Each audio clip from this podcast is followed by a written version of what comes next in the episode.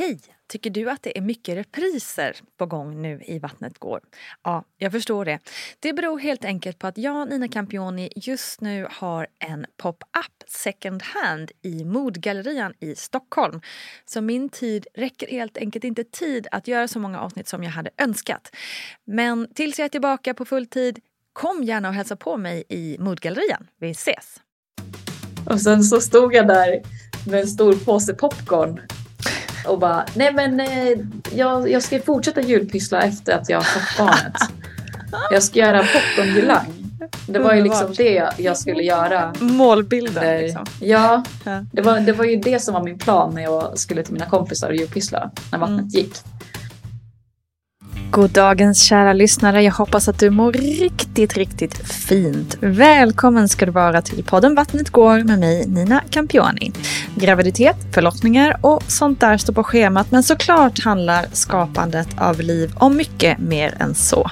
Och den här veckan ska vi också gå in på tvivlen som man kan känna som gravid.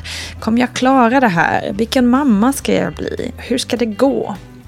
Men innan vi presenterar veckans gäst så vill jag också passa på att slå ett slag för mammagruppen på Facebook där vi är ett bra gäng föräldrar eller blivande sådana som hjälps åt kring allt möjligt. Allt från förlossningstips till vad sjutton man gör med sina små toddlers.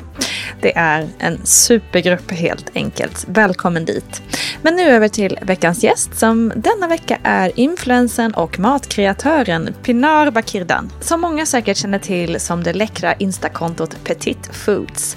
Och nu ska vi prata om rädslor kring sitt eget föräldraskap, vikten av familj och teamwork i förlossningsrummet bland väldigt mycket annat. Varmt välkomna allihop.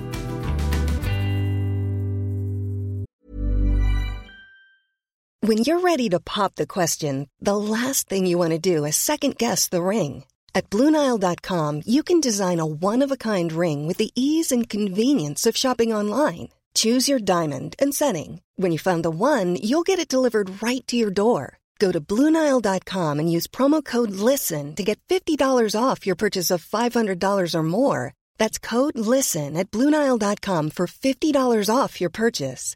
Bluenile.com code LISTEN. One size fits all seemed like a good idea for clothes. Nice dress. Uh, it's a it's a t-shirt. Until you tried it on. Same goes for your healthcare. That's why United Healthcare offers a variety of flexible, budget friendly coverage for medical, vision, dental, and more. So, whether you're between jobs, coming off a parent's plan, or even missed open enrollment, you can find the plan that fits you best. Find out more about United Healthcare coverage at uh1.com. That's uh1.com. Since 2013, Bombas has donated over 100 million socks, underwear, and t shirts to those facing homelessness if we counted those on air, this ad would last over 1,157 days. But if we counted the time it takes to make a donation possible, it would take just a few clicks. Because every time you make a purchase, Bombas donates an item to someone who needs it. Go to bombas.com slash ACAST and use code ACAST for 20% off your first purchase. That's bombas.com slash ACAST, code ACAST. Hey, it's Paige DeSorbo from Giggly Squad. High quality fashion without the price tag? Say hello to Quince. I'm snagging high-end essentials like cozy cashmere sweaters, sleek leather jackets, fine jewelry, and so much more. With Quince being 50 to 80% less than similar brands. And they partner with factories that prioritize safe, ethical, and responsible manufacturing. I love that. Luxury quality within reach. Go to quince.com slash style to get free shipping and 365-day returns on your next order. quince.com slash style. Du, hur, hur tänkte du på eh, det här med föräldraskap eller att bli förälder innan du liksom verkligen var, var där så att säga? Ja, jag har ju alltid älskat barn och eh, sett fram emot att eh, skaffa barn och så. Men på senare år så har jag väl varit lite så orolig och mm. ängslig kring att skaffa barn. Eller framförallt att bli förälder och okay. känt att eh, kommer jag klara av att vara en bra mamma? Eh, har jag för mycket liksom, saker som jag behöver ta tag i mig själv innan jag kan bli mamma? Mm. Eh, ja, men lite sådana saker. Jag fick en ADHD-diagnos i vuxen ålder eh, Okej. när jag pluggade på universitetet. Mm. Eh, och har haft lite så här, ja, gått mycket hos psykolog och, och sådana grejer. Mm.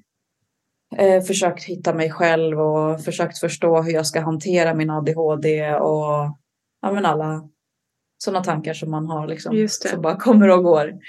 Eh, så jag har faktiskt varit, även om jag har varit väldigt, väldigt sugen i många år så har jag också varit väldigt ja, men orolig Mm. över hur jag ska klara av det. Även om det egentligen känns ganska självklart för mig att, eller kändes ganska självklart för mig att jag ska bli mamma en dag. Eh, och att jag jättegärna ville det. Så Mm. var det mer att hur kommer jag vara som mamma? Mm. Kommer jag vara en bra förälder? Ehm, ja, lite sådana tankar fanns det. Och sen så ehm, det här är ju någonting som jag inte har pratat om så mycket, men min familj har, eh, de är från Turkiet, mina föräldrar. Mm. Och vi, jag har en muslimsk uppväxt och det har inte varit liksom självklart för dem att jag eh, har valt en partner som inte har samma ursprung som mig.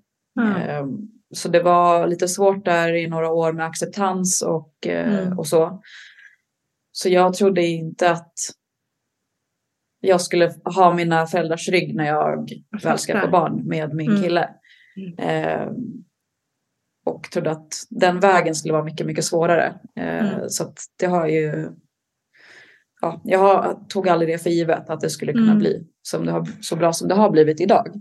Så det var väl också Skönt att höra. ja. Ja, ja men verkligen. Det har varit superskönt och jag har alltid varit ganska nära mina föräldrar men ändå haft lite så här, ja, eftersom att det inte har varit, vi har inte delat samma tankar och åsikter. Mm. Mm. ehm, så har jag kommit dem mycket, mycket närmare nu när Mm. acceptansen finns och ehm, ja, men de älskar min partner. De ser honom som sin egen son. Eh, de är jätteglada över att ha ett barnbarn Mm. och, och så. Så det är ju verkligen... Gud vad är ju fint. För, riktigt- för det, måste ju, fint. det är ju ändå en eh, så himla stor... Alltså det är ju det största som finns liksom. Just det här Ja. att, att få skapa ett barn tillsammans. Mm. Och att då inte ha, ja, men som du är inne på, liksom, sina viktigaste personer eh, Mm. med sig i det. Eh, kan ju vara Precis. otroligt tungt. Så Ja. Väldigt, väldigt skönt Mm. att, att, eh, att det har gått bra med det. Ja, ja men verkligen och speciellt för att min mamma har ju alltid pratat om förlossningar Mm. eh, med mig. Och eh, ja, men berättat hur coolt hon har tyckt det har varit att föda barn. Jag har tre eller två syskon, eh, två äldre bröder. Och hon har alltid pratat om sina förlossningar och berättat att det är det coolaste hon har gjort. Och om hon hade kunnat så hade hon fått tio barn till bara för att få uppleva förlossning. Mm. Ehm, och när mina första kompisar började få barn eh, så sa hon till dem så här, massa tips och så här. Glöm inte fråga om att eh, få titta i spegel och glöm inte det här och gör så här. Mm. Och därför så kändes det så för mig avlägset att få det stödet när jag Mm. väl började bli redo för att skaffa barn. Mm. För då fanns det fortfarande lite så här, ja men, eh, eh, Motstånd. ska man kalla det? Ja, lite motstånd, ja precis. Mm. Men sen så blev det jättebra. Och Mm. eh, Så bra. Är det något ni har med. pratat om i efterhand? Nu när det liksom när det blev så här bra. Nej, det har jag faktiskt inte gjort. Jag har bara pratat om liksom hur glad jag är att min mamma har varit med på förlossningen och Mm. lite sådana saker. Men inte kring min oro innan. Mm. Och eh, lite mer kanske så här, ja men om jag visste att ni hade blivit så här glada över ett barnbarn så hade jag skaffat barn tidigare. Just det. Just det. För att Ja. jag var ju egentligen redo flera år innan. Men, Mm. Men samtidigt så har jag ju hunnit jobba på mig själv och, och så. Tycker att jag är mycket starkare som person för att kunna vara en bättre mamma. Inte för att Mm. jag tror att jag inte hade varit bra mamma ändå, men eh, ja, jag har gått igenom utmattning och varit sjukskriven nyligen och, och Mm. sådär. Så det känns som att allting hamnade rätt i tiden på något sätt. Ibland klaffar det. Ja, ja men verkligen. Och jag tror att det hade ju säkert klaffat på annat sätt om det hade varit eh, Absolut. under sjukskrivningen eller innan mm. eller sådär. Mm. Det blir ju väldigt mycket Så gullig! Ja. Jag Leslie på besök lite. Titta ja, in i skärmen. Så gullig! Ja. Hej! Ja. Hela vännen. Men du får jag fråga utan att du behöver liksom berätta om din, din terapi på något sätt. Men just jag tänker att det är mm. fler som lyssnar säkert som, som också har någon slags eh, ADHD eller någon annan typ av diagnos. Ja, absolut. Um, har du dragit någon så lärdom kring det där eh, som kanske kan jag vet inte, lugna de som lyssnar som också har gått i samma tankar som du där att liksom gud mm. kan, jag, kan jag bli mamma liksom? Ja, jag tycker att det där är jättesvårt att svara på för att det är så himla olika med mm. ADHD. Det är mm. olika grader och Såklart. det som funkar för mig funkar inte för någon annan. Men jag vill inte heller vara så här klyschig och säga det löser sig. det kommer det göra oavsett. Mm. Men jag tror, att, jag tror mer på att man inte ska vara för hård mot sig själv. Och att inte sluta jobba på sig själv heller. Mm, så ehm, viktigt. För att det, man utvecklas hela tiden och man lär sig nya saker vilken ålder man än är i. Jag mm. lär min mamma saker idag, hon är 60 plus. Mm. Ehm, så att hon säger hela tiden så men gud det här visste inte jag och det här, så här tänkte man inte på min tid. Nu har jag lärt mig någonting nytt. Mm. Ehm, och så är det ju med allting att man får lära sig helt enkelt längs vägen. Mm. Och inte oroa sig för mycket, inte vara för hård mot sig själv. Um, jag har valt att inte äta medicin. Okej. Okay. Uh, ätit det i perioder för att jag har behövt, eller trott att jag har behövt göra det. Och sen slutat för att det har varit för mycket biverkningar. Mm. Uh, och sen så, eftersom att det har varit så mycket upp och ner så fick jag inte äta det under graviditeten heller. Just det. Uh, så om, man hade, om jag hade ätit det mer regelbundet så hade jag fått äta det under graviditeten. Mm. Mm. Nu hade inte jag gjort det. Och det är jag glad för också. Ehm, det är inte så kul att redan ha massa liksom, må på ett visst sätt för att man är gravid och sen så med alla biverkningar av medicinen. Den är inte, den är inte kul. Mm. För mig blev det ju att jag eh, tappade aptiten helt. Kunde inte mm. äta mat och det vill man ju inte Oavsett om man är gravid eller inte. Nej, precis. En ganska härlig del av livet. Ja, precis. Speciellt för mig som håller ja, på med mat. Det, det är ändå en del av ditt, ditt liv, höll jag på att säga. Verkligen. Ja, men exakt. Ja.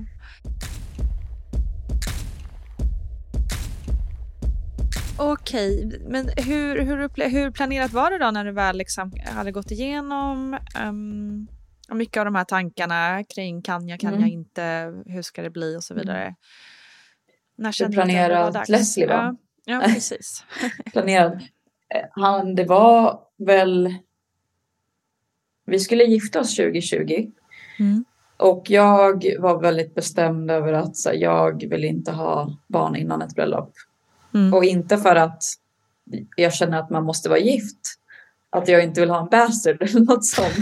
utan, utan mer att jag vill att bröllopet ska handla om mig och min kille. Mm. Eh, för jag vet hur jag är som person. Att jag säkert skulle bli väldigt eh, ja, men inte bry mig om ett bröllop om jag har ett barn. Och ja, även om vi har ett bröllop så skulle tankarna kanske vara på barnet och lite sådär. Mm. Så jag ville verkligen gifta mig innan. Och sen så kom corona och det blev pausat. Just det. Mina föräldrar bor i Turkiet. Jag ville inte att de skulle komma hit under corona. För de mm. är i riskgrupp. Um, och sen så... Ja, och sen så vet jag inte. Det blev väl att vi... Det blev alltså för stressigt att planera bröllop när jag blev sjukskriven. Mm. Så då gick det bort helt. Och sen så helt plötsligt så var jag gravid. det var inte planerat. Men vi hade, vi hade sagt att så här, blir jag gravid så blir jag gravid. Mm. Um, så då kommer vi behålla det. Och sen så blev det ju ganska naturligt. Mm. Att det liksom, ja, vi behövde inte planera så mycket. Eh, jag slutade med eh, preventivmedel ett år innan jag blev gravid. Okej. För att jag hade ätit preventivmedel sedan jag var 13 år. Mm. Tror jag. P-piller i 13 år. Och det var för att jag började eh, med p-piller för att jag hade akne när jag var yngre. Okej. Och då var det... Ja, då blev jag rekommenderad att äta p-piller. Just det, det är väldigt vanligt. Jag vet inte om det fortfarande är lika Ingen vanligt. aning. Men jag kommer också Sen har ihåg jag bara fortsatt. Ja. Ja. Och sen så var jag så här, ja men nu, jag har ingen aning om hur mina hormoner funkar eller liksom, jag vet inte om, är jag den jag är Nej, utan p-piller? För jag har hört så mycket stories om att folk, vissa blir personlighetsförändrade när de börjar med preventivmedel och hormoner och allt det Mm. där. Mm. Ehm, och så slutade jag. Och sen så blev jag gravid ett år efter. Mm. Ehm, Ja, men det där, jag tror det är många som känner igen sig i det. Alltså, också hela, även om det inte förändras så mycket kring som du säger, personligheten och så, men just det där att man man har ju liksom gått på p-piller sedan man var tonåring och så plötsligt är Mm. man, jag vet inte, 20, 30, 35 liksom och bara, Mm. men gud, vem, Mm. hur, fun hur funkar min cykel eller hur funkar min Ja, ja, kropp? verkligen. Äh, Ja, det var det som också var så här. Cykel, vad är det? Har jag, eh, exakt, känner igen har jag PMS? Ja. Eller vad är... Mm. För sen så började jag märka jättekonstiga saker när jag väl slutade. Det var ju då jag blev sjukskriven när jag började märka tror jag. Jag tror inte att det var Perfekt. därför. Men, Nej, men jag tror att det var många olika saker som, Mm. som ledde till en sjukskrivning. Mm. Um, alltså dels bröllopet, bröllopsplaneringen. eh, att alltså, jag hade börjat nytt jobb för att jag blev varslad under corona. Mm. Försökte spara pengar till en lägenhet och ja, Mm. 30 Många års... olika, eh, ja. ja. 30 års stressen. Just det. Mm. Allt ska på plats när man är 30. Exakt. Vilken eh, bluff man har. Eller så här, varför har man fått för sig det? Ja, det är en bra fråga. Ja, det är Det är en väldig hets. verkligen. Helt onödig dessutom. Men det blir bra till slut. Det blir bra till slut. Vad kände du då när du, när du upptäckte att du var gravid? Eh, ja, det, jag blev jätteglad. Men jag märkte eller jag upptäckte det på ett så konstigt sätt. Eller konstigt var det inte, men jag hade svårt att somna en, en natt. Jag har, jag har Mm. inga sömnproblem. Jag sover, jag har väldigt lätt för att somna. Mm. Och eh, har liksom aldrig behövt gå upp ur sängen och satt mig vid tvn för att inte jag kan sova. Men nu gjorde jag det. Okej. Och, och så tänkte jag så här, men gud min mens är en dag sen. Äh, jag, var, jag, är lite, jag var lite uttråkad och bara, ja, men nu, jag gör ett test, graviditetstest. och så klockan var typ kanske tre på natten så gjorde jag test och sen så ja, men var det två streck direkt. Wow. Ja. Och då, jag är världens ivrigaste person. Så jag vill ju, och, men samtidigt så älskar jag överraskningar och har alltid Mm. gått och tänkt så, om jag någon gång blir gravid då vill jag verkligen överraska min kille på ett kul sätt. ja. Och nu var, var det mitt i natten och då vill jag inte väcka honom. Nej. För han tar inte in saker när han liksom är nyvaken. Eh, så då låg jag ju där jätteivrig Och då kunde du verkligen inte somna om gissar jag. Nej, då kunde jag verkligen inte somna om. det var så, så jobbigt att gå och hålla på det där tills han vaknar. Och så här, Ah. det, det kändes som att det tog jättelång tid. Och, och så kände jag att jag måste ju säga det här till någon. Jag fick liksom... Jag blev stressad av att bara hålla på det själv. Och som tur var så hade jag en kompis som faktiskt var vaken. Och jag visste att hon skulle vara vaken för att hon stod på Arlanda och köade för provisoriskt pass. Okej, oh shit. Och hon skulle liksom Då behövde hon en glad där i kylan. Exakt. Så då smsade jag henne. Och hon svarade direkt och ja, det var riktigt kul faktiskt att hon var vaken. Gud, vilken härlig story ändå. Mycket Mm. liksom, något, ett, ett riktigt minne, verkligen. Ja, för annars är det så här, vem är vaken tre på natten? Det Nej, eller hur? händer ju inte på en vardag. Nej. Eh, om inte man har kompisar som jobbar så, alltså på sjukhus eller sådär. Exakt. Mm. har jag inte som är så här, jag har kompisar men inte som är så nära som jag kan smsa. Eh, ja. Hur, hur, så- hur berättade du för din kille sen då? jag väckte honom och sa att jag har lagat lite frukost. Eh, och att han kan, eller jag håller på att fixa frukost, att han kan liksom eh, ligga och dra sig lite. Mm. Och sen så gjorde jag en hummusmacka och sen så ska jag ut. Eh, jag skrev lill i med gurka. Alltså skar ut eh, eh, bokstäver. Eh, wow. för vi har alltid så här internt när vi har pratat om bebis och ett, ett framtida barn så har vi sagt lill, alltså som en Mm. liten. Just det. Eh, så då skrev jag lill på en hummusmacka. med, med gurka. Vad fint! Jag ställde upp eh, mobilen på ett stativ och försökte gömma den lite så här så att jag filmade. Ja. Ehm, och så vi, vi brukar lite så här om vi har en överraskning. Om, han, om jag har köpt typ godis till honom så brukar jag be honom blunda och så, så här, räck fram händerna. Ja, och så får ja. han öppna. Även om det bara är små saker så brukar vi be varandra blunda. Så bad jag honom blunda och han kom in och satte sig och sen så öppnade han ögonen och, och så tittade han på mig och sen så tittade han ner på mackan och läste. Ja. Och ja, då förstod ju han. Han, han förstod inte direkt och var lite så här, va? Eh, vadå? exakt. lite så nervöst. Ja, exakt. Och Mm. den, den, den reaktionen kan man ju ha även när man ser liksom båda strecken och ser det liksom svart på vitt liksom, så kan man ändå säga jag Mm. fattar inte, vad betyder det? Ja, ja, ja, vad roligt. Gud Men- vilken fin, eh, Ja. jättefin överraskning. ja, så var det lite gråtfest från mitt håll. Mm. Helt rimligt. Ja, vad Mm. härligt. Men ehm, hur, hur mådde du sen under graviditeten? Jag mådde jättebra under min graviditet. Och verkligen. De, fram till vecka 12 ungefär så hade jag lite så här morning, vad heter det? Sickness. Mm. Eller, ja, jag var illamående på morgnarna, lite under Mm. dagen. Nu vet jag inte om jag förskönar det här för att jag har glömt bort. Lätt hänt. Jag kanske mådde mer illa men ja, jag, var, jag var illamående fram till vecka 12 och sen så släppte det. Mm. Eh, och sen så mådde jag bra under resten av graviditeten. Jag hade lite foglossning men det var ingenting som hindrade mig från att göra saker. Jag Mm. var igång fram till förlossningen. Eh, Skönt.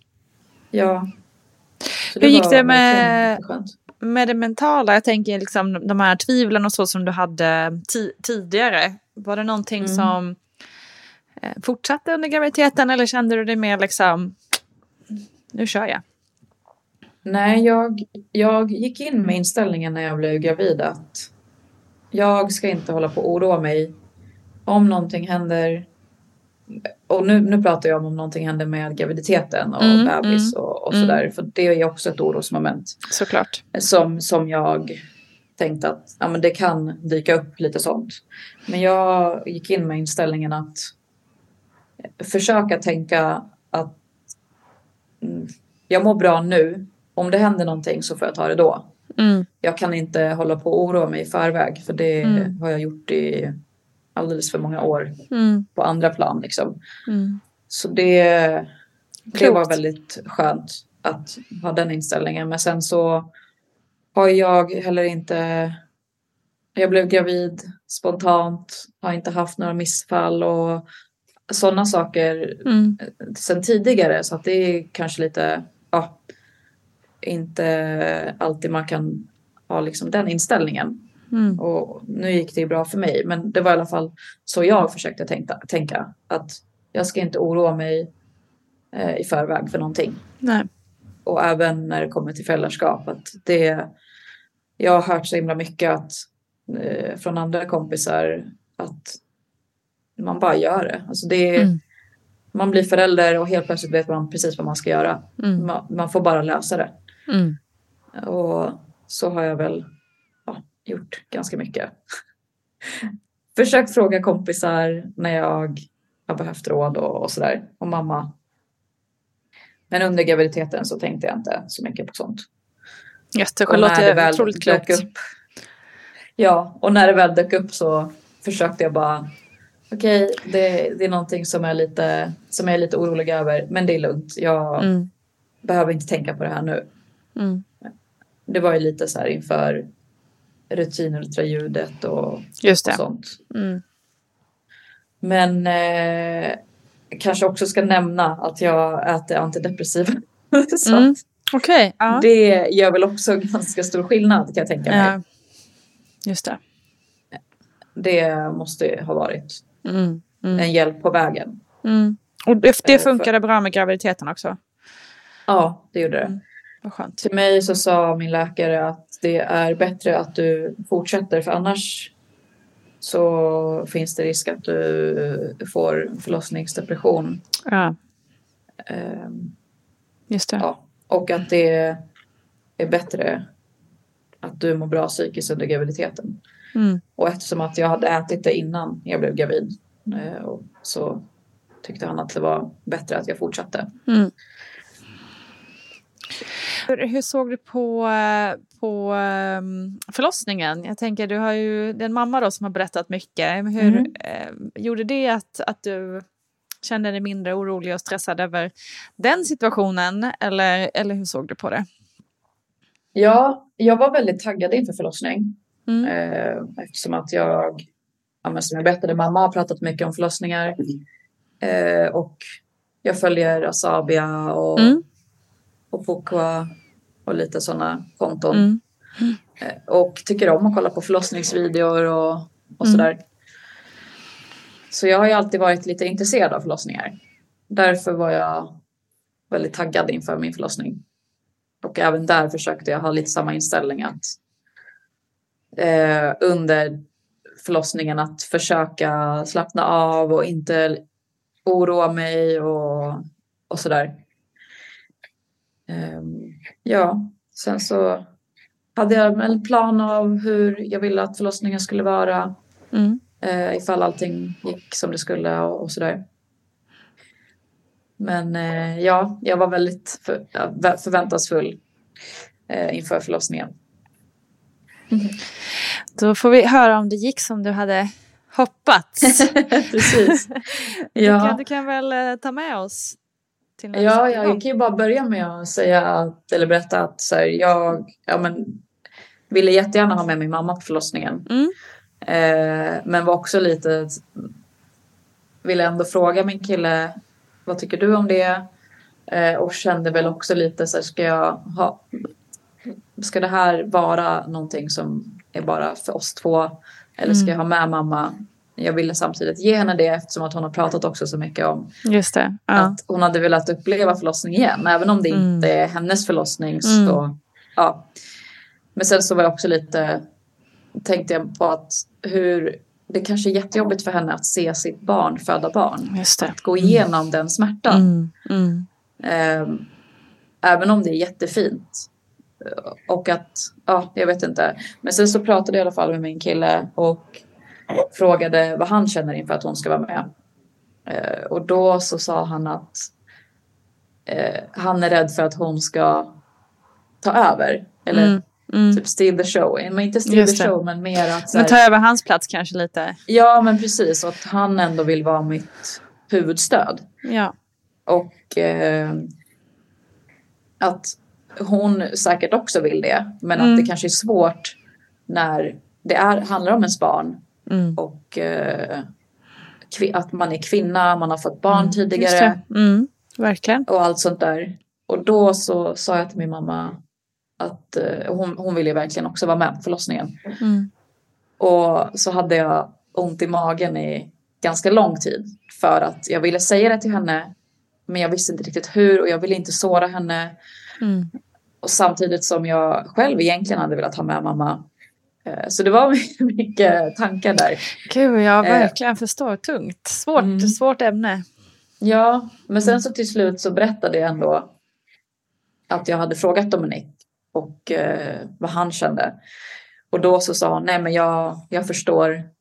Eh, Och sen så hade det blivit ett missförstånd. Jag trodde att hon hade förstått. och att hon var med på att hon ska inte vara med på förlossningen. Men eh, hon hade förstått det lite annorlunda. Så hon, hon skrev till mig, messade mig några veckor innan beräknad min, min, min BF och sa har du frågat eh, om man får ha med en tredje person eller hur det funkar med corona och allt det här nu? Mm. Och då sa jag, men vadå? Jag har ju sagt att du inte ska vara med. och då var hon så här, va? Nej, det har inte jag förstått. Oh. Ah, det blev ett missförstånd där. Oh. Och då var hon så här, men jag kan sitta utanför, tänk om ni Ah. behöver mig. Mm. Och då sa jag, mamma, vi, du behöver inte sitta utanför, vi ringer om, om det är så att vi behöver dig.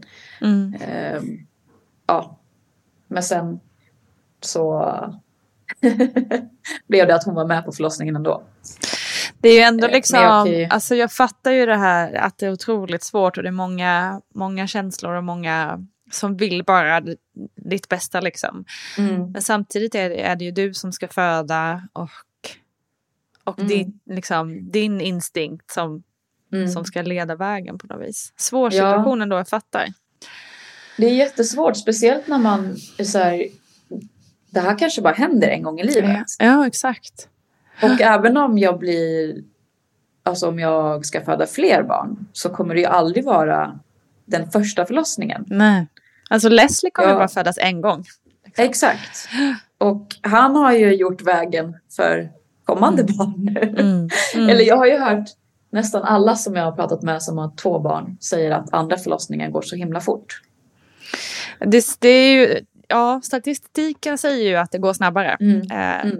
Det är ju ingen regel, men absolut. Det, Nej, precis. Så därför är det så här, ja, det är väl skönt. Men samtidigt så kanske man inte hinner tänka så mycket heller. Mm. Eller förbereda för hur man vill ha i rummet och Mm. vilken musik som ska spelas. Så här. Ja, just det. Ja, de där Ja. grejerna. Mm. Min kompis eh, berättade att hon inte hann få av sig sina byxor när hennes andra barn kom. Åh, hjälp. Gud. Nej, precis. Det är verkligen, man kan tänka att det är så här, åh, skönt att det gick snabbt, man slapp ha ont så länge, men det, det kan ju skapa helt andra problem, problematik eh, precis. när det går för fort. Ja. Mom deserves the best, and there's no better place to shop for Mother's Day than Whole Foods Market. They're your destination for unbeatable savings, from premium gifts to show-stopping flowers and irresistible desserts. Start by saving 33% with Prime on all body care and candles. Then get a 15-stem bunch of tulips for just $9.99 each with Prime. Round out Mom's menu with festive rosé, irresistible berry chantilly cake, and more special treats. Come celebrate Mother's Day at Whole Foods Market. Life is full of awesome what ifs, and some not so much, like unexpected medical costs. That's why United Healthcare provides Health Protector Guard fixed indemnity insurance plans to supplement your primary plan and help manage out of pocket costs. Learn more at uh1.com. When you're ready to pop the question, the last thing you want to do is second guess the ring. At Bluenile.com, you can design a one of a kind ring with the ease and convenience of shopping online. Choose your diamond and setting. When you find the one, you'll get it delivered right to your door. Go to Bluenile.com and use promo code LISTEN to get $50 off your purchase of $500 or more. That's code LISTEN at Bluenile.com for $50 off your purchase. Bluenile.com code LISTEN. Hey, it's Paige DeSorbo from Giggly Squad. High quality fashion without the price tag. Say hello to Quince. I'm snagging high-end essentials like cozy cashmere sweaters, sleek leather jackets, fine jewelry, and so much more. With Quince being 50 to 80% less than similar brands. And they partner with factories that prioritize safe, ethical, and responsible manufacturing. I love that. Luxury quality within reach. Go to quince.com slash style to get free shipping and 365 day returns on your next order. Quince.com slash style. One size fits all seemed like a good idea for clothes Nice dress. Uh, it's a it's a t-shirt. until you tried it on. Same goes for your healthcare. That's why United Healthcare offers a variety of flexible, budget friendly coverage for medical, vision, dental, and more. So, whether you're between jobs, coming off a parent's plan, or even missed open enrollment, you can find the plan that fits you best. Find out more about United Healthcare coverage at uh1.com. That's uh1.com.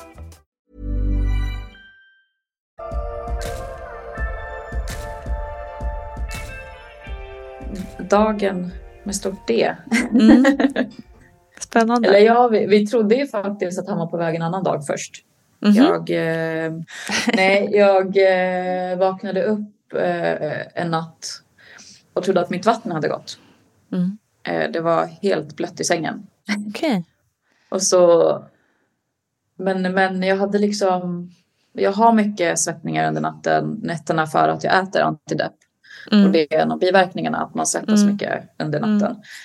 Eh, men, och då under graviditeten så har jag vaknat till under natten av att jag är jättesvettig och sen så har jag tänt lampan och tittat så att det verkligen är svett och inte vatten som har gått. Mm. Men då har det liksom aldrig varit några fläckar i sängen. Ehm, men nu den här gången, då var det stora liksom pölar i sängen. Mhm. Det var så stora fläckar på olika ställen. Så det, det var alltså nästan självklart för mig att nej, men det här är vattnet som har gått. Ja. Och att jag hade lite ont och så. Mm.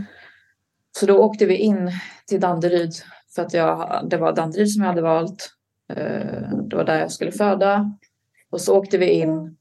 Och så visade det sig att det inte var vatten. Jag Mhm. hade svettats. Det var spännande. Jag hade Wow. svettats jättemycket. Ja. Eh, ja, så då åkte vi tillbaka. Men eh, ja, det var, det var en bra erfarenhet inför. Det var ju en bra träning, exakt, verkligen. Ja, ni visste vad ni skulle göra och liksom vilket Ja. håll ni skulle köra och så vidare. Ja, vi fick lite eld i baken och packade BB-väskan. Ja. Den var ju inte klar. Eh, för det här var fyra veckor innan Okej. BF, Mm. tror jag. Tre, fyra veckor innan. Eh, och sen så bytte jag till Huddinge sjukhus.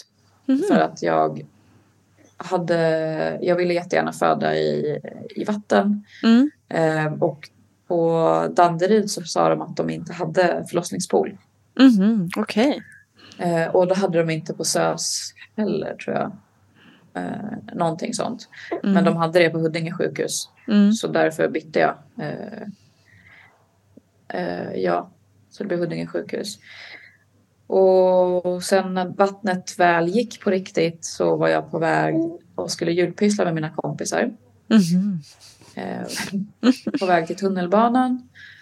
Och så helt plötsligt så kändes det som att oj, kissade jag på mig nu? Ja. Eller, vad, eller typ har jag börjat läcka? Har det blivit att jag inte kan hålla mig längre? Just det. Eh, Mm. Och så, så kände jag bara, okej men det var inte så mycket, jag fortsätter gå. Eh, så får vi se eh, om det fortsätter. Och sen så bara fortsätter det sippra och sippra. Mm. och då var jag fortfarande fundersam på vad det var.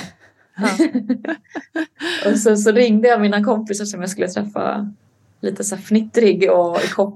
Ja. Och de, har, de hade precis fått barn. Okej. Eh, deras bebisar var några månader bara.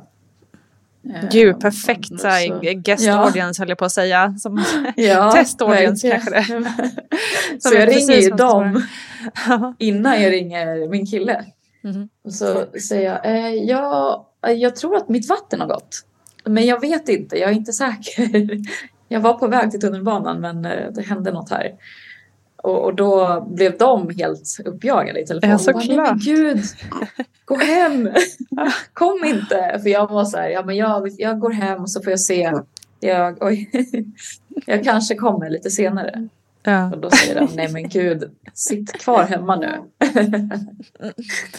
eh, så jag kommer hem, går på toa, fortsätter komma vatten och sen så kommer slem, slemproppen också. Mm. Okej. Eh, och då förstod jag att okej, nu måste jag ringa förlossningen. Nu är det något Så jag ringde händer. först min kille eh, och berättade att jag tror att mitt vatten har gått och han var så här, oj, oj, okej, ja men jag ska kanske sätta mig i en taxi och komma hem då. och jag var så här, Bra nej men det är lugnt, du behöver inte ta en taxi, ta, åk, ta tunnelbanan, det är, det är ingen stress. Jag har inte ont eller så.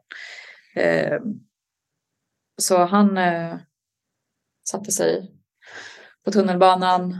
Eh, och sen så hade han ändå blivit stressad och uh, gått av tunnelbanan och tagit taxi sista biten. så ringde Fint ändå, nervöst. Ja, precis. Men det är så- också så himla så här fnittrig stämning. Mm. Både från mina kompisar, mig och min kille. Att så, Ja. oj, hehe, Det är hallå, dags. Det är så nu spännande. kanske det är dags på riktigt. Ja. Eh, ja, men så ringde förlossningen och det här, när vattnet gick så var klockan lunch, alltså kanske tolv, halv ett någon gång. Eh, och sen så ringde jag förlossningen och jag fick en tid klockan tre. Och mina verkar började vid ett, halv två. Okej.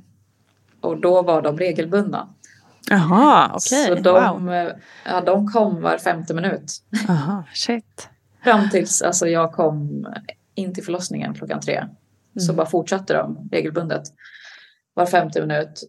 Eh, och jag, eh, min kille sa, sprang runt hemma och packade och var jättestressad. Och jag var stressad över att jag skulle hinna julpyssla klart då. Så jag satte mig på golvet. Absolut, vi prioriterar. Och exakt, jag skulle slå in mina julkolor. Ja, nej, men julkolorna måste vara klara när vi kommer hem. Det måste finnas adventsfika. Eller hur älskling? Så jag satt där, klockade verkarna, andades, mig, andades igenom verkarna samtidigt som jag klippte i bakplåtspapper, skar upp eh, julkola och ja, slog in dem Mm. i små presentgrejer. Eh, och sen så var det dags att åka in. Eh, att och titta om det var vatten eller om det var någonting annat. Eh, och så kom vi in och ja, men de konstaterade, konstaterade ganska snabbt att det var vattnet som hade gått. Mm. Eh, men de var lite osäkra på om eh, han hade bajsat i vattnet eller inte. Okej. Så de ville observera så att jag fick vara kvar en stund. Och sen klockan sju så skickade de hem mig. Mhm, Och sa att men, eh, vila upp dig lite grann. Kom tillbaka om tre, tre timmar. Okej. Eh, Mm. Hur kändes det då? Var, eh, ja, men det, det kändes skönt ändå. Att så här, okej, men det är bara tre timmar. Det, Mm, Vi får lite, lite luft. Vi kommer, Mm. Och så sa de ju om det händer någonting så är det bara att komma in, ringa Mm. och så kommer ni in direkt. Och du hade inte Eh. så himla ont då eller heller, eller? Eller hur var verkarna Mm. liksom? Jag kommer inte ihåg. det, är så, det är så sjukt för jag minns inte hur verkarna känns alls. Jag minns att jag stannade upp ibland och andades och sådär. Mm.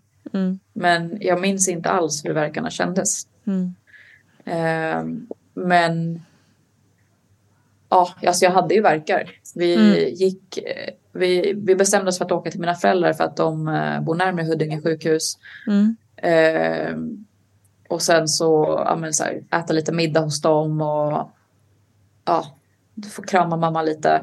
Mm. Ehm, och sen så hade jag, ja men jag fick något så här, kan vi inte gå, gå förbi mataffären och handla lite innan vi åker till mamma och pappa? Jättekonstigt. Konstigt att jag ville det. Jag hade ju verkar. Jag behövde stanna upp flera gånger i butiken. Eh, och sen så stod jag där med en stor påse popcorn och bara, nej men eh, jag, jag ska fortsätta julpyssla efter att jag har fått barnet. Jag ska göra popcorngulang. Det var ju liksom det jag, skulle göra. Målbilden under- liksom. Ja, det var, det var ju det som var min plan när jag skulle till mina kompisar och julpyssla när vattnet Mm. gick. Så det blev ju, jag var så här, men nej men nu, okej jag hinner, kommer nog inte kunna poppa min egna popcorn när jag har barn att ta hand om. Men så jag köper färdiga popcorn. Det var ändå klarsynt. Ja, exakt. så köpte jag lite godis och lite chips och köpte eh, hyacinter till min mamma. Och tänkte att jag ska Wow. säga att det här är present från ditt barnbarn som är på Men väg. gud, så himla omtänksamt mitt i verkarbetet. Helt otroligt. Men det är också en grej som jag fått från henne tror jag. För att hon berättade att när jag kom, när jag var på väg så hade mina föräldrar åkt med mig lugnt och sansat till förskolan och lämnat av mina bröder. Och så, så hade mamma velat åka till någon butik för att köpa leksaker som då skulle vara från mig till mina syskon. Ja. För att inte de ska bli svartsjuka. Ja. Så jag tror att det bara kom så automatiskt. Att Mm, jag har inget syskon som jag behöver ta hänsyn till men mamma ska få en present. just det. Ja, fint. Ja. Eh, och hon var jätteglad att vi kom förbi och så supertaggad. Eh, jag fick med mig lite dadlar och, och lite sånt som skulle enligt henne hjälpa till med förlossningen. Ja. Jag fick eh, turkisk, eh, turkisk te eh, som sägs vara bra för bröstmjölk, öka Mm. mjölkproduktion och sådär. Mm. Så jag hade med mig det till förlossningen också. Eh, och sen så ja, men hann jag precis eh, äta lite soppa, dricka lite te, fick med mig te. Hon tvingade i mig lite dadlar, fick med mig dadlar också till förlossningen. Och sen så gick jag på toa och då var det ganska tydligt att han hade bajsat i vattnet. Okej.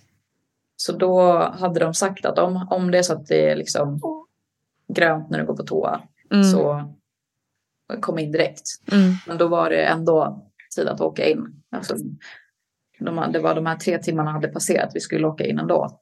Okej. Eh, men då blev det ju inte enligt plan med eh, födsel i, i förlossningspool. Nej, nej, just det. Det får man inte tydligen Mm. Mm. om barnet har bajsat.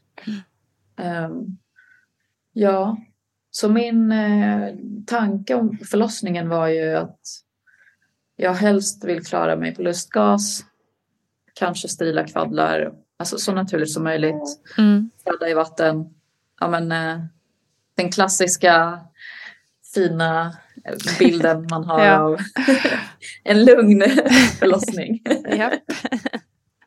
hade med mig ansiktsmask. Eh, en spellista som jag hade förberett. Lite, ja, någon serie eller något där. Jag kommer inte ihåg om jag hade förberett det också. Ja, men jag trodde att jag skulle få ha en liten spa-upplevelse där. innan. Exakt. Mysigt och lugnt och härligt. Tända sådana här äh, LED-lampor. Och, Just ja. det. Ehm, ja. Och sen så blev det inte riktigt så. Eh, det, jag vet inte. Hur, hur börjar man berätta om förlossningen?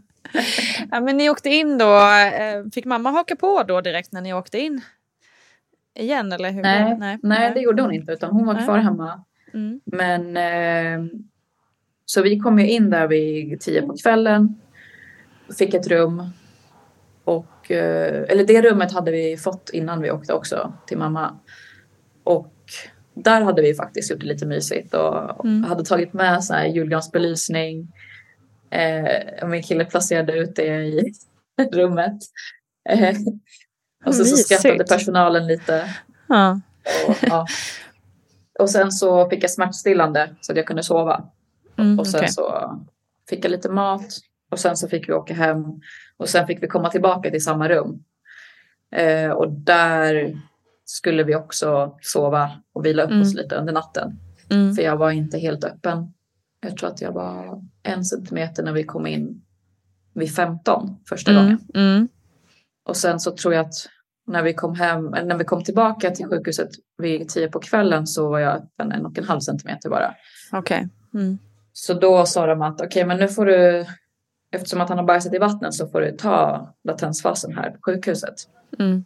Eh, ja, och då så fick jag smärtstillande, fick en värmekudde. Jag eh, lyckades somna. Sen så vaknade jag nog av verkar vid sju någon gång på morgonen. Och då hade min eh, kille smsat min mamma och berättat att nu, eller hon, för hon ville ha uppdateringar då. Mm. Eh, och då hade han skrivit till henne att nu ska vi bli förflyttade till eh, förlossningen. Hon är öppen 10 centimeter tror jag det var. Oj. Då. Eller?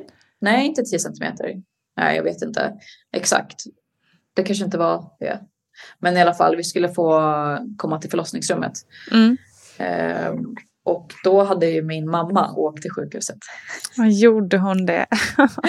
Så hon var ju, min kille smsar vid 07 och hon är på sjukhuset vid 8.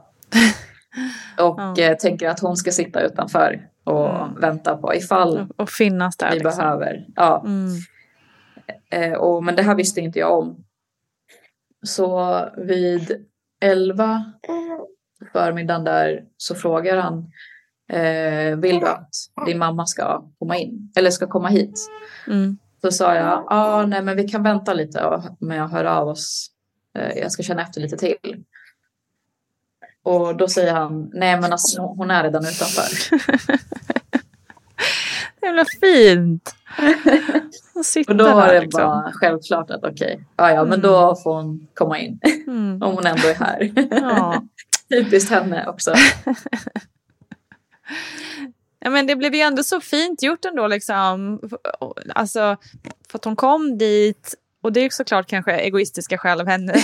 men Ja. hon respekterade ju ändå er Ja. liksom, i, det att, att hon stannade utanför och ville bara finnas till hands om det. Ja, precis. Alltså hon höll ändå den liksom så här respektfull Mm, gränsen mm. då. Ja, men för jag hade pratat lite Mm, grann om att Fint. om det så att det skulle bli en långdragen förlossning så kan det ju vara skönt för Dominik, min kille då, att Mm. kunna byta av med någon kanske Mm. eh, om Mm. hans energi är helt slut eh, och sådär. Mm. Vilket det ju sen blev. Att, inte att han behövde gå ut eller så, men att förlossningen blev väldigt långdragen. Det var, den aktiva Mm. fasen var i 20 timmar. Mm. Okej. Eh, så mamma Mm. kommer in där vid 11. Eh, och jag tror att den aktiva fasen började vid 8. Någon gång. Mm. Och hon kommer in klockan 11, 12, något sånt, någonting sånt. Och de är ett sånt team. Min mamma och Ja, min kille. fint. Och det är, Ja. de fick så mycket beröm också från personalen att så här, vi, det, är ni som, det är som att ni har jobbat på förlossning innan. Ni, det är ni som har gjort jobbet. Vi har bara liksom varit i bakgrunden och ni har hjälpt Coolt. till så himla mycket. Och de stod liksom på varsin sida av mig eh, och masserade mig, gav mig lustgasen, gav mig Lypsyl, eh, gav mig spypåse. Mm. hjälpte mig i olika positioner. Eh, och de var ett så himla bra stöd på olika sätt. De kompletterade verkligen Mm. varandra. Och jag är så himla glad att så här, ja, men det här jag var inne på tidigare om att jag inte tog det för givet att relationen med min familj och att de skulle vara del, vilja vara en del av liksom våra liv och, och sådär. Mm. Ehm, Mm. Till att de står där och fightas tillsammans för mig och Otroligt. Ja. eh, vårt barn.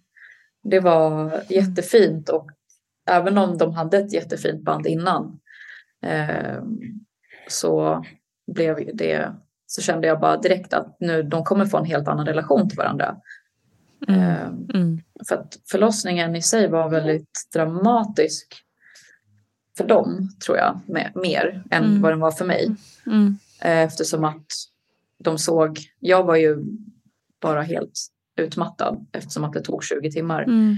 Ehm, så att för mig så var det så här, det är kanske ni som behöver ta det här samtalet med barnmorskan efteråt än att jag ska göra det. för att jag Ja. var ju bara helt borta. jag, jag oroade, mig, oroade inte mig så mycket ehm, Mm. när han kom ut och var liksom för trött och, och sådär. Mm. Mm. Ehm, ja.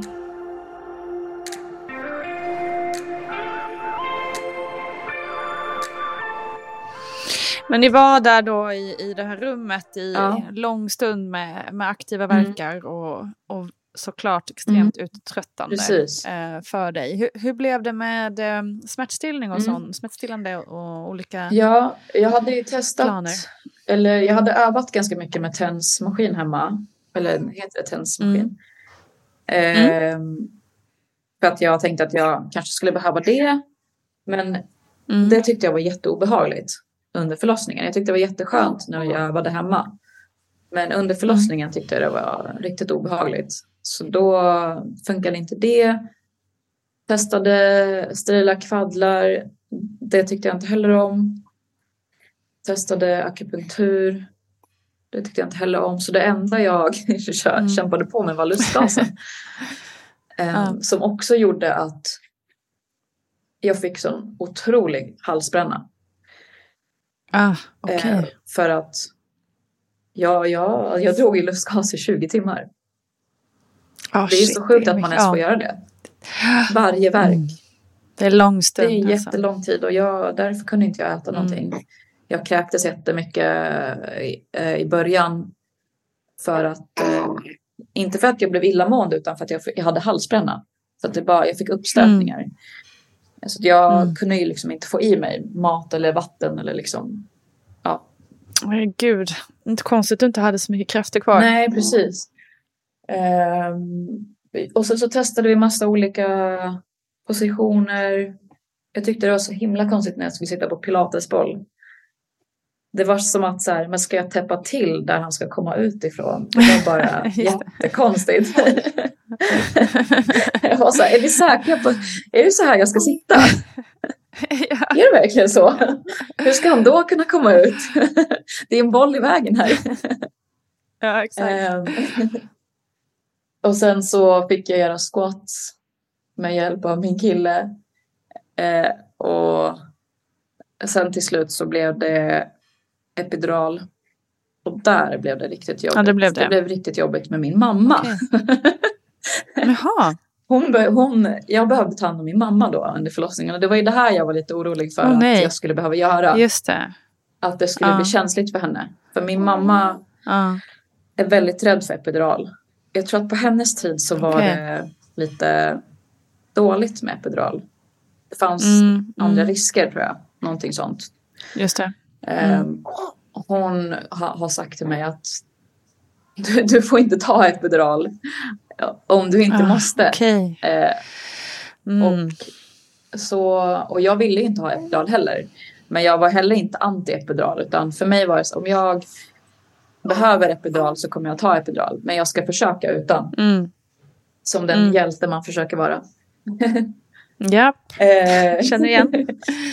och då hade min eh, kille då frågat personalen vid några tillfällen. Är det, en, är det för sent för epidural? Eh, och då hade de sagt Mm. nej men vi vill att det ska komma från henne. Mm. Vilket var så här. Jag hade skrivit i mitt förlossningsbrev att ni får gärna vägleda mig. Jag kommer inte kunna tänka på allting. Eh, och där hade de, jag hade velat få frågan. För att om de hade frågat mig Mm, så hade jag nog sagt ja till epidural tidigare. Mm. Mm. Eh, men sen till slut så börjar de märka att jag blir för trött. De tar prover på honom, märker att han också är trött. Eh, Mm. Så då kommer epiduralen. Men där eh, ser jag att min mamma ställer sig i ett hörn med ryggen vänd mot mig. Så att inte jag ser att hon Mm. gråter och har panik. Men Ah. jag förstår ju av att Mm. ja, mamma känner ju sin mamma. Åh, Jag vet Gud, ju, Ja, vilken stress. Jag kan ju hennes kroppsspråk utan till. Mm. Mm. Eh, ja. Så då säger jag till sköterskorna att så ta hand om min mamma. Eh, hon mår inte så bra, hon är jätterädd för epidural. För hon såg ju Mm. också narkosläkarna. Det kom ju in två stycken narkosläkare som såg ut som Scrubs eller Teletubbies eller så här Mm. roliga dräkter. Mm. jag, jag ligger och skrattar för jag tyckte de såg jätteroliga ut och mamma var jätteledsen och rädd. Så då fick Mm. de förklara för henne att det är ingen fara. Jag fick förklara för henne att det är ingen fara, det är inte som på din tid. Och, eh, jag vet att jag har sagt att jag inte vill ha epidural om jag inte måste, men nu är jag trött och, och, och det är verkligen ingen fara. Eh, Mm. Och sen kom epiduralen och sen mådde jag jättebra. Eh, jag kunde Mm. skämta med personalen och började helt plötsligt se deras tatueringar och började kommentera på det. Och så här. Ehm, innan så var det ju mycket skönt. fokus på andning och, Mm. och andning, eh, lustgas, Lypsyl. Det var typ på repeat. Ja. Ja. ja. Ja, men bara Mm. skönt att du fick en paus där i det. Ja. Eh, Men tungt ändå att behöva ta ansvar för någon annan när man själv ligger där. Ehm, Ja, det är ju lite... Ja, det, det var ju det jag var orolig för. Jag, jag är Mm. inte alls förvånad att den kom.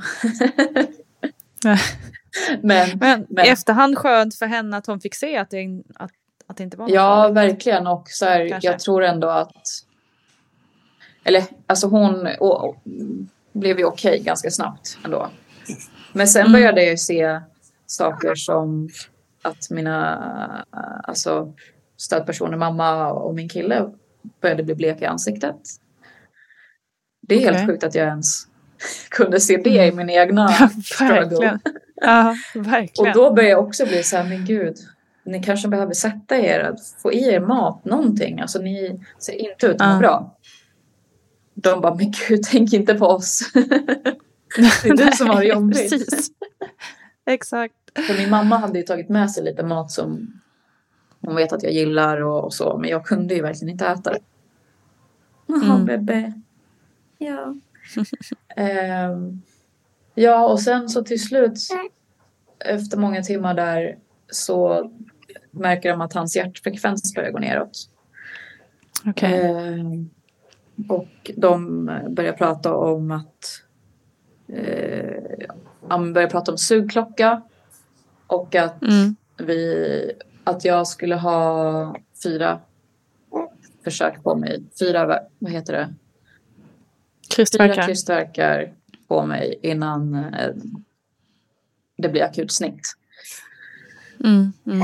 Och det var faktiskt min största rädsla inför förlossningen. Mm. Även om jag inte gick och oroade mig för mycket över det så var det verkligen någonting som jag inte ville göra. Eh, för Mm. att jag ville föda liksom vaginalt. I Turkiet, där mina föräldrar är ifrån, så jag och min mamma pratar jättemycket om det här att det är en, det är en trend i Turkiet att föda alltså med kejsarsnitt. Man föder Okej. inte vaginalt om man inte Nähä. måste i Turkiet. Okej. Eh, eller om man inte måste, om man, ja, om man inte har råd att alltså, betala för kejsarsnitt. Och, det är som att folk inte vill kämpa, typ. Mm. Det är som att de vill veta när barnet ska komma och Mm. att det ja, att man inte ska kämpa för att få ut sitt barn. Typ. Nej, jag vet inte riktigt vad det beror på, men det är de, alla mina kompisar var jätteförvånade att jag skulle föda vaginalt. När jag berättade Okej. i somras när jag var där. Ja. ja, men det är speciellt. Olika kulturer Ja. också. I USA är det också verkligen eh, mycket vanligare med kejsarsnitt, men också det här med att, att föda, alltså verkligen inte känna någonting. Även om man föder vaginalt så är det verkligen vanligt att man bedövar så mycket att man inte känner något Mm. alls. Mm. Eh, och det är också så här, ja men antingen trender eller om det är kulturellt betingat, jag vet inte riktigt Ja. ja, nej, det, var det det var verkligen någonting som jag och min mamma här, nej men vi förstår inte. Varför gör man kejsarsnitt? Varför väljer man att göra kejsarsnitt? Ja. Ehm, och ja, och, och så därför blev jag ju väldigt så, ah, okej nu sugklockan och jag hoppas att det funkar. Men eh, samtidigt så började jag bli väldigt, väldigt trött. Och innan, Mm, eh, gud, jag det. innan eh, när jag var gravid under min graviditet så hade jag sagt till min, eh, eller pratat lite med min kille om att så här, ehm, jag förstår inte folk som säger under förlossningen, jag orkar inte mer, jag kan inte, jag vill inte fortsätta. Ja, det, man har ingenstans att ta vägen. Vart ska man? Man kan ju inte, Nej, inte fortsätta. Eh, och sa att så där ska jag försöka att inte säga. Sen fattar jag att man kanske Mm. säger jag, kom, jag orkar inte och sådär. Men jag sa exakt de orden. Ja. ja. Jag orkar inte mer. Jag vill inte längre ta bort sugklockan. Det var jätteont. ja. Och, Härligt, man får äta upp sina Ja, ord. verkligen. Men, men då sa faktiskt Mm. läkaren något jättebra. Eh, och då sa hon att det är inte sugklockan som gör ont. det är för att barnets huvud är på väg ut som blir ont. Mm. Då fick jag Mm. ju ja, men, otrolig kraft från det. Mm. Men eh, av alla förlossningsvideor jag har sett så förstår jag inte varför jag aldrig någonsin har sett hur det går till med en sugklocka. För det var... Nej, okej, just det. Ja, det var ju... Det var ju typ, alltså det var filmiskt. Det var helt sjukt. Mm. Och eh, ja, men det såg ut som att läkaren som drog i sugklockan, det såg ut som att det var hon som höll på att föda barn. Det var ju, Okej. alltså, jag tyckte att hennes min var helt så här, jag blev ju typ rädd av att se hennes ansikte. Jag För att det här så sättet hon drog och hennes liksom ansiktsuttryck, hennes Ja. ljud, det hon sa, allt det där var typ det som jag tyckte var jobbigast under förlossningen tror jag. Mm. Ehm, Mm. och att jag fick ju det här, "N- nu är det panik, nu måste han ut. Mm. Så det var ju det. Mm. en hel ring med människor runt mig. Det var Mm. min mamma och Dominik på varsin sida som skulle lyfta upp mig. Och sen hade jag varsin sköterska på varsitt knä som skulle trycka upp samtidigt. Mm. Mm. Och sen så var det en läkare mellan benen med sugklockan. Och sen så stod det en läkare bakom och höll i ett lakan som jag skulle dra i. Så att det skulle bli Mm. fällkniv. Det. Fällknivsaktigt då. Mm. Och sen så står alla runt omkring mig där och skriker. Kom igen, kom Ah. igen. Och jag viftar bort, viftar bort dem och så här skriker. Kan ni, kan ni sluta skrika? Kan ni vara lite tysta? Mm. och Mm. typ gå bort för jag är för varm. Eh, ja, nej men där var jag verkligen så här. Och så kom det in en läkare som pratade med jättehög röst. Och henne var jag också så här tvungen att säga till. Kan du prata, kan du Mm. prata lite lägre snälla? Ja, men bra att du säger till. Jättebra ju.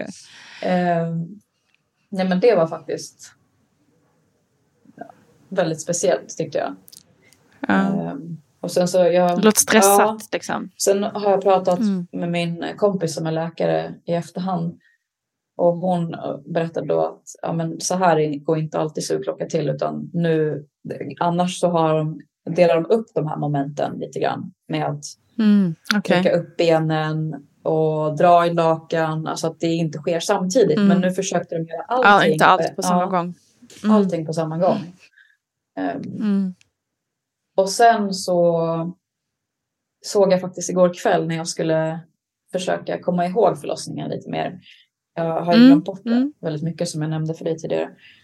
Eh, Så Mm. bad jag om att få kolla på bilder i min eh, killes mobil. Och då fick jag se att det fanns ett eh, film när han kommer ut. Det visste jag inte att det fanns. Ah, wow. Ja, jag visste att de hade filmat under förlossningen, men jag visste inte att det fanns just när han kommer ut. Mm. Så det var ju jättekul att se hur, liksom, hur det gick till. Men eh, ja, sista krystvärken då var- hade de ju liksom fortfarande panik där. Han var inte ute. Mm. Eh, Mm. och sen så slapp jag kejsarsnitt till slut. Så kom han ut. Men eh, då var han ju jättetrött. Så han andades ju Ja. inte. Eh, och Mm. De fick ju ja, men sätta igång honom. Så de lägger upp honom eh, på bröstet. Och det enda jag säger är typ eh, varför ser han ut så här? För att det ser Mm. ut som att han ska glida av min kropp. Ehm, för Mm. att han är så livlös. Mm. Och så börjar de klippa navelsträngen direkt. Och säger att nu följer pappa med ut eh, till eh, ett annat rum. Och mamma Mm. är kvar här. Och Alltså mamma då, jag, inte min mamma. Men mam- min mamma skulle ju också Nej, vara kvar. precis. Mm.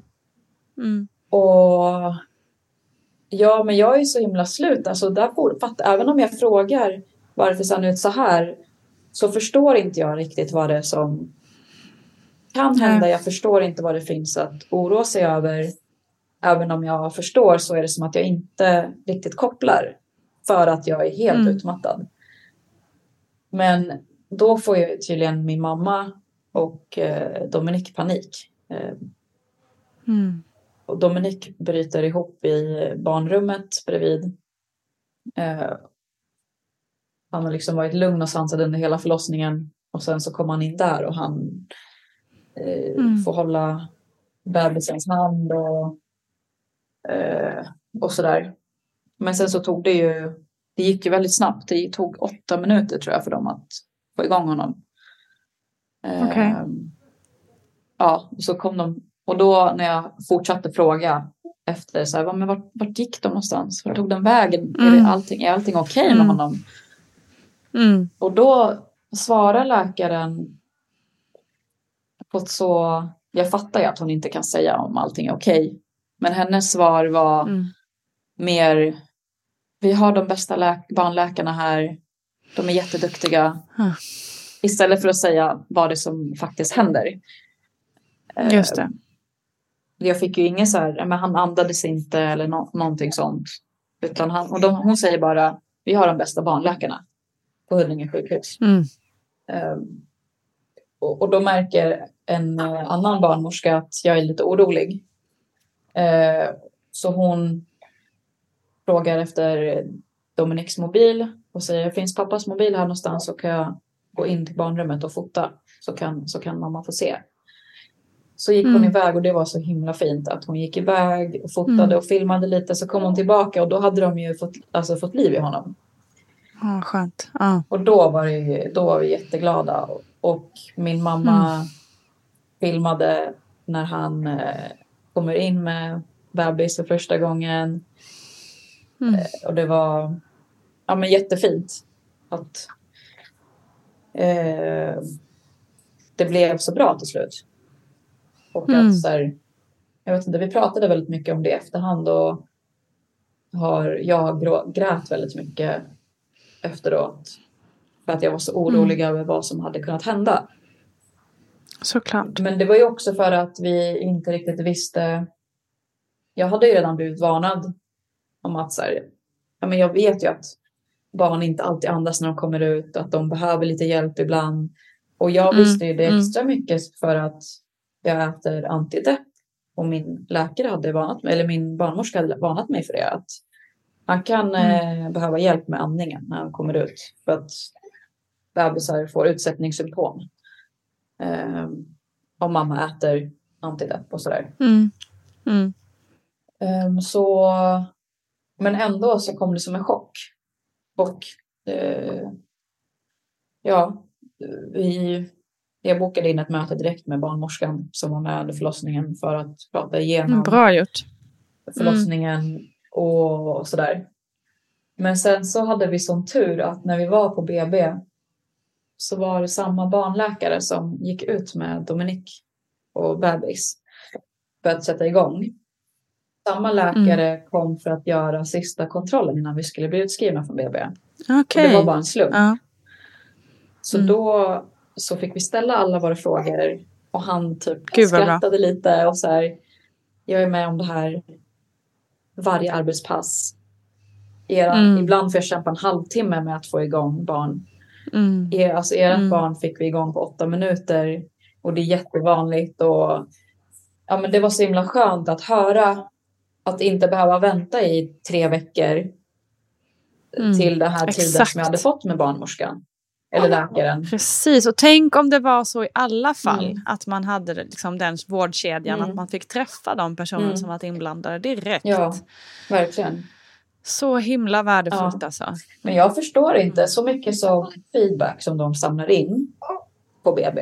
Mm. De frågar ju alltid. Vad sätt, vill, alltså, hur upplever du förlossningen? Vad vill du ge för betyg? Eller Mm. alla mina kompisar har fått den frågan i alla fall. Ja, men alla ska få det. Ändå. Så ja, jag vet inte. De gör ju ett jättejobb. De är jätte, alltså jag är, gav ju dem 8 av 10 i betyg. Mm. Och det var ju bara, jag hade kunnat ge dem 10 av 10. Men, men Mm. jag tyckte inte att jag blev eh, tillräckligt vägledd under, tid, under förlossningen. Jag hade Mm. velat få lite Mm. mer information och så här, nu händer det här och nu händer det här. Eh, för att jag hade skrivit Mm. det i mitt brev. Så det var ju mer som att jag behövde dra ur dem lite alltså, information. Mm. Men det är lite det som är problemet också med den här betygssättningen som kommer direkt efter att man har fött barn i stort mm. sett. Då är man ju oftast väldigt tacksam. Ja. man är väldigt tacksam över att man lever, ja. att barnet lever. Ja, man är i bubblan. Eh, och sen, ja men precis, och då är det lätt, jag vet att jag satte typ, ja men också så här, eh, överbetyg liksom. Mm i stort sett för att man var så glad. Liksom. ja. eh, men, eh, och sen så några veckor senare när man kanske kommit hem och hunnit smälta lite och mm. börjat så här, vad var det som hände mm. egentligen? Då kanske man skulle ranka det på ett helt mm. annat sätt. Eh, så det är inte alltid sjukhusen eller liksom mm. de som bestämmer i politiken mm. får, får de rätta svaren. Man kanske ska betygsätta vid två tillfällen. Exakt, precis. Ja, men det har faktiskt på riktigt uppe på, varit uppe på diskussion ah. från barnmorskornas sida. Ja. Att, för de tycker också, alltså Barnmorskeförbundet och så tycker också att det är ett vansinnigt system. Mm. För att man får ju inte de rätta mm. svaren mm. riktigt sådär tio timmar efter att man har fött barn och liksom är helt mm. uppe i, ja. uppe i ja, men det ju, låter ju klokt. För man mm. är ju speciellt om man har alltså, haft eh, lite jobbig förlossning så är man ju mm. 100% tacksam. Och ja, här, exakt. Ja. Vi klarade oss ja. liksom. Men sen så är det, och man är tacksam ja. för de som har hjälpt en ja. under, under förlossningen. Ja. Även om det inte gick 100% mm. rätt mm. till kanske i alla lägen. Men man är tacksam för att de hjälpte en och, och liksom mm. så. Och också att, det är inte så, här, att sätta. Eh, det är ett helt nytt yrke som man kanske inte har koll på. Alltså men gud, det finns människor mm. som jobbar med det här.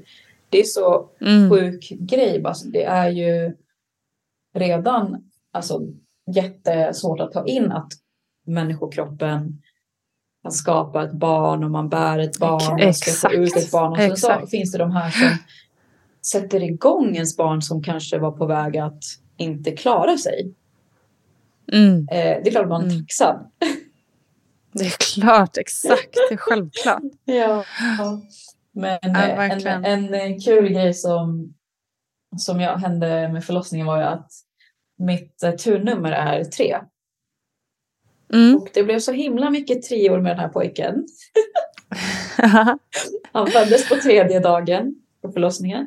Ja. Han ja. Eh, kom tredje i andra, tre på natten, 03.00. Nej.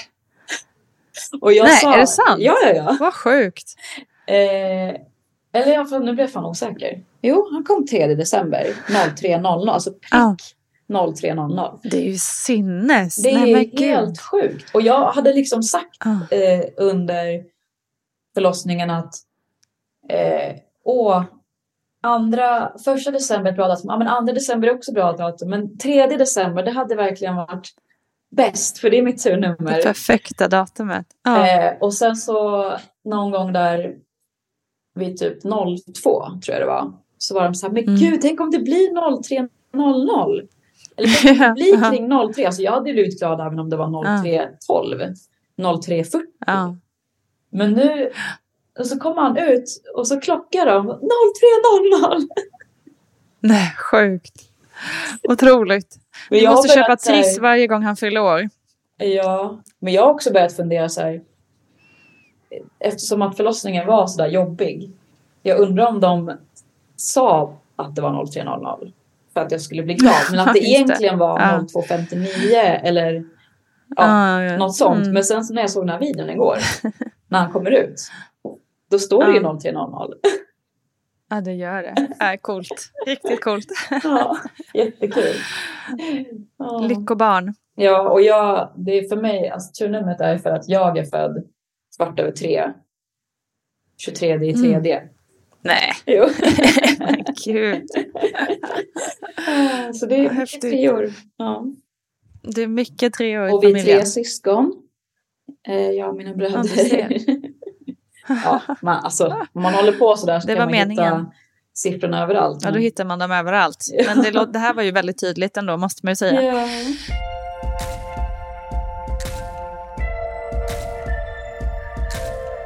Du, hur, hur mådde du eh, de första veckorna så där, när du kom hem och så? Det fanns ju liksom, i och med att du hade depression i, i mm. eh, nu hade du ju antidepp men ni, ni pratade ju ändå om de här riskerna mm. med förlossningsdepressioner och sådana där saker? Ja, alltså jag mådde bra, men jag hade väldigt, väldigt ont. Och på ett sätt som jag Mm. inte trodde att jag skulle ha ont. Jag trodde att det skulle vara Mm. mycket underlivet och sådär, vilket det också var. Men Mm, mm, jag Mm. hade inte förstått att jag skulle ha ont i ansiktet, i ryggen, i benen, i armarna, alltså hela, hela kroppen. Och jag Mm. pratade med min mamma om det och, berättade när hon frågade hur jag mådde och så. Sa att men jag har så himla ont i ansiktet och kroppen. Och då sa men det är inte så konstigt så mycket som man... Alltså du kämpade i så många Jobbat. timmar. Och mm, jag hade till och med så märke från lustgasmasken. Mm. Eh, Och hade fått, ja men som ett blåmärke på näsan. Mm. Ehm, ja, lite sådana saker. Och så, så var det så himla svårt att sitta. Vilket jag inte heller var riktigt beredd på att absolut att det kommer göra ont att sitta men inte på den nivå som det faktiskt gjorde. mm. Och då sa min mamma, men du måste be om en sån här sittring. Som en kudde, som Mm. en ring. Just det. Och då frågade jag om det och då sa de att nej men det har man slutat med. För att det är tydligen, Jaha. det är eh, alltså man blir inte bra lika snabbt. Vad heter det? Återhämtningen Nej, går inte okej. lika snabbt för Okej. att den hjälper till för mycket. Att Ah. så här, Okej. man känner inte och hur man kan sitta och inte sitta. Och Nej, nej, att det nej. är just bra att försöka sitta för att återhämtningen går snabbare då. det. Mm, mm, Det var så den personen sa som jag frågade i alla fall. Sen så tyckte jag att Mm. varje person jag pratade med på BB sa olika saker om allting. Okej. så jag vet inte om det Ja, var speciellt sant eller alltså. inte. Eh, Nej, just det. Men annars har jag mått bra. Jag hade lite baby blues eh, tre dagar efter där som han kom. Mm. Eh, men var ändå beredd på att det skulle komma och Mm, bara välkomnade de känslorna.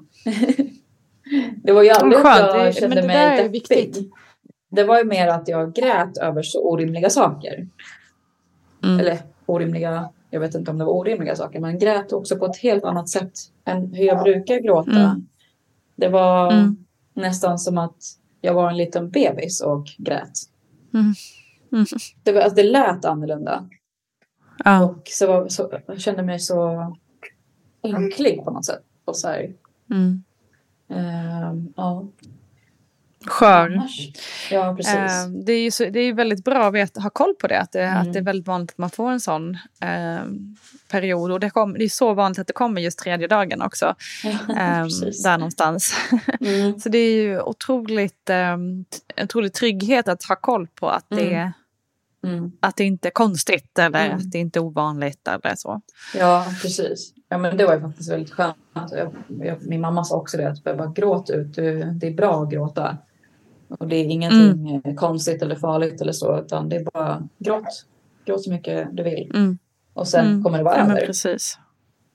Och, ja, nu är han ju mm, snart tre månader. Och Mm. jag vet inte, nu jag känner jag känner mig helt återställd nästan. Ja, det enda som är kvar är väl att jag inte får på mig eh, mina byxor. Det var jag inte riktigt beredd på. Det är ingen brådska. Nej. Eller jag tänkte så här, okej, men när man har gått ner, eh, för jag gick ner till min ursprungsvikt ganska snabbt. Eh, utan att jag bara, Mm. för jag gick inte upp så mycket under graviditeten. Eh, och då tänkte jag att ja, men, då får man väl på sina byxor. Men nej, då är höfterna bredare. ja, just det. det tänkte inte jag på. Även om jag har fått höra Nej. det och så här. Jag tänkte så här, okej, men mina byxor kommer jag kunna ha på mig när jag har gått ner mina Mm. gravidkläder. Oj! Mm. Nej, man har Men, lite nya eh, former på andra olika ställen. Ja, så nu har jag faktiskt eh, sålt mina byxor. Så nu måste jag hitta nya byxor. Jag tänker inte gå in i någon så här...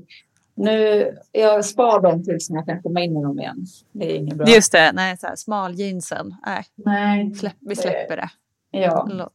Det låter bra. Nu, nu ser jag ut så här och då får man skaffa nya byxor. Ja, Tills dess får man, Får man ha embracea det. klänningar och kjol och...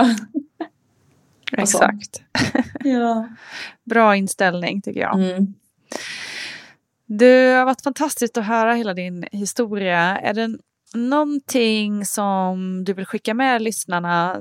Någon, något tips eller råd eller någonting eh, innan vi mm. avslutar för idag? Gud, jag vet inte om det är fel att tipsa om det här till någon som har haft en bra graviditet. Men att inte oroa sig för mycket.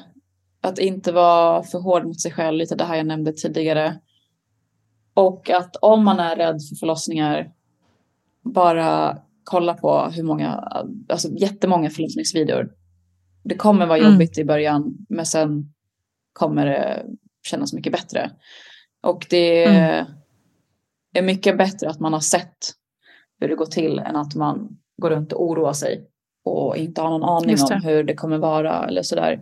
Och att mm. faktiskt ta tag i rädslorna och, och prata, sök hjälp.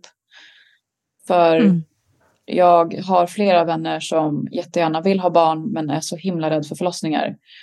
Att de inte ens ja. vågar bli gravida.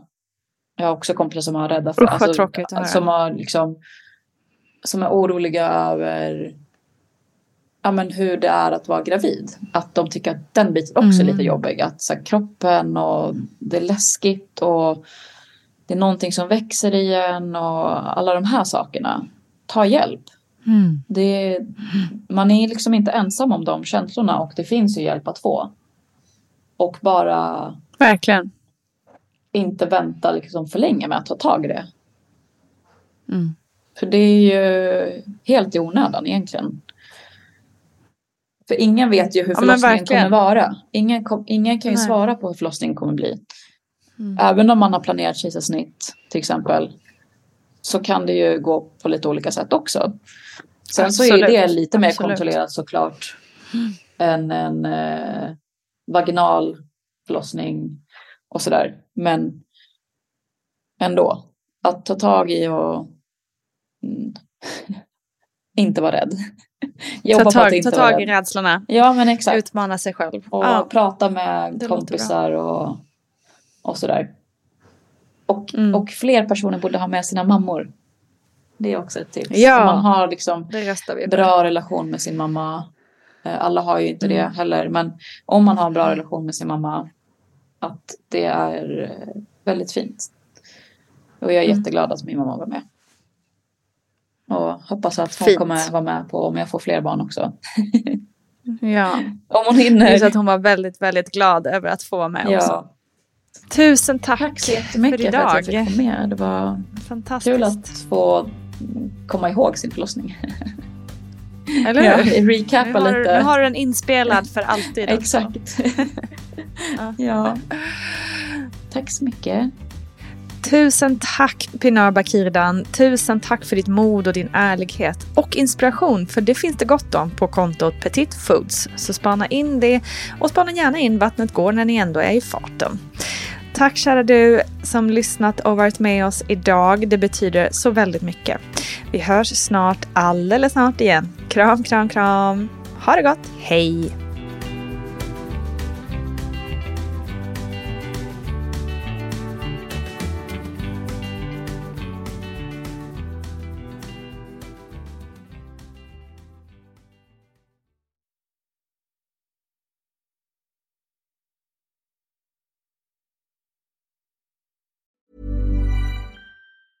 Even when we're on a budget, we still deserve nice things. Quince is a place to scoop up stunning high-end goods for 50 to 80% less than similar brands. They have buttery soft cashmere sweaters starting at $50, luxurious Italian leather bags, and so much more. Plus, Quince only works with factories that use safe, ethical, and responsible manufacturing. Get the high-end goods you'll love without the high price tag with Quince. Go to quince.com/style for free shipping and 365-day returns. Mom deserves the best, and there's no better place to shop for Mother's Day than Whole Foods Market. They're your destination for unbeatable savings, from premium gifts to show-stopping flowers and irresistible desserts. Start by saving 33% with Prime on all body care and candles. Then get a 15-stem bunch of tulips for just $9.99 each with Prime. Round out Mom's menu with festive rosé, irresistible berry chantilly cake, and more special treats. Come celebrate Mother's Day at Whole Foods Market Target. Imagine the softest sheets you've ever felt. Now imagine them getting even softer over time. That's what you'll feel with Bowl and Branch's organic cotton sheets. In a recent customer survey, 96% replied that Bowl and Branch sheets get softer with every wash. Start getting your best night's sleep in these sheets that get softer and softer for years to come. Try their sheets with a 30-night guarantee. Plus, get 15% off your first order at bowlandbranch.com. Code BUTTERY. Exclusions apply. See site for details. Hi, I'm Daniel, founder of Pretty Litter. Did you know cats tend to hide symptoms of sickness and pain? I learned this the hard way after losing my cat, Gingy. So I created Pretty Litter, a health monitoring litter that helps detect early signs of illness by changing colors, saving you money and potentially your cat's life. Pretty Litter is veterinarian developed, and it's the easiest way to keep tabs on your fur baby's health right at home. Go to prettylitter.com and use code ACAST for 20% off your first order and a free cat toy. Terms and conditions apply. See site for details.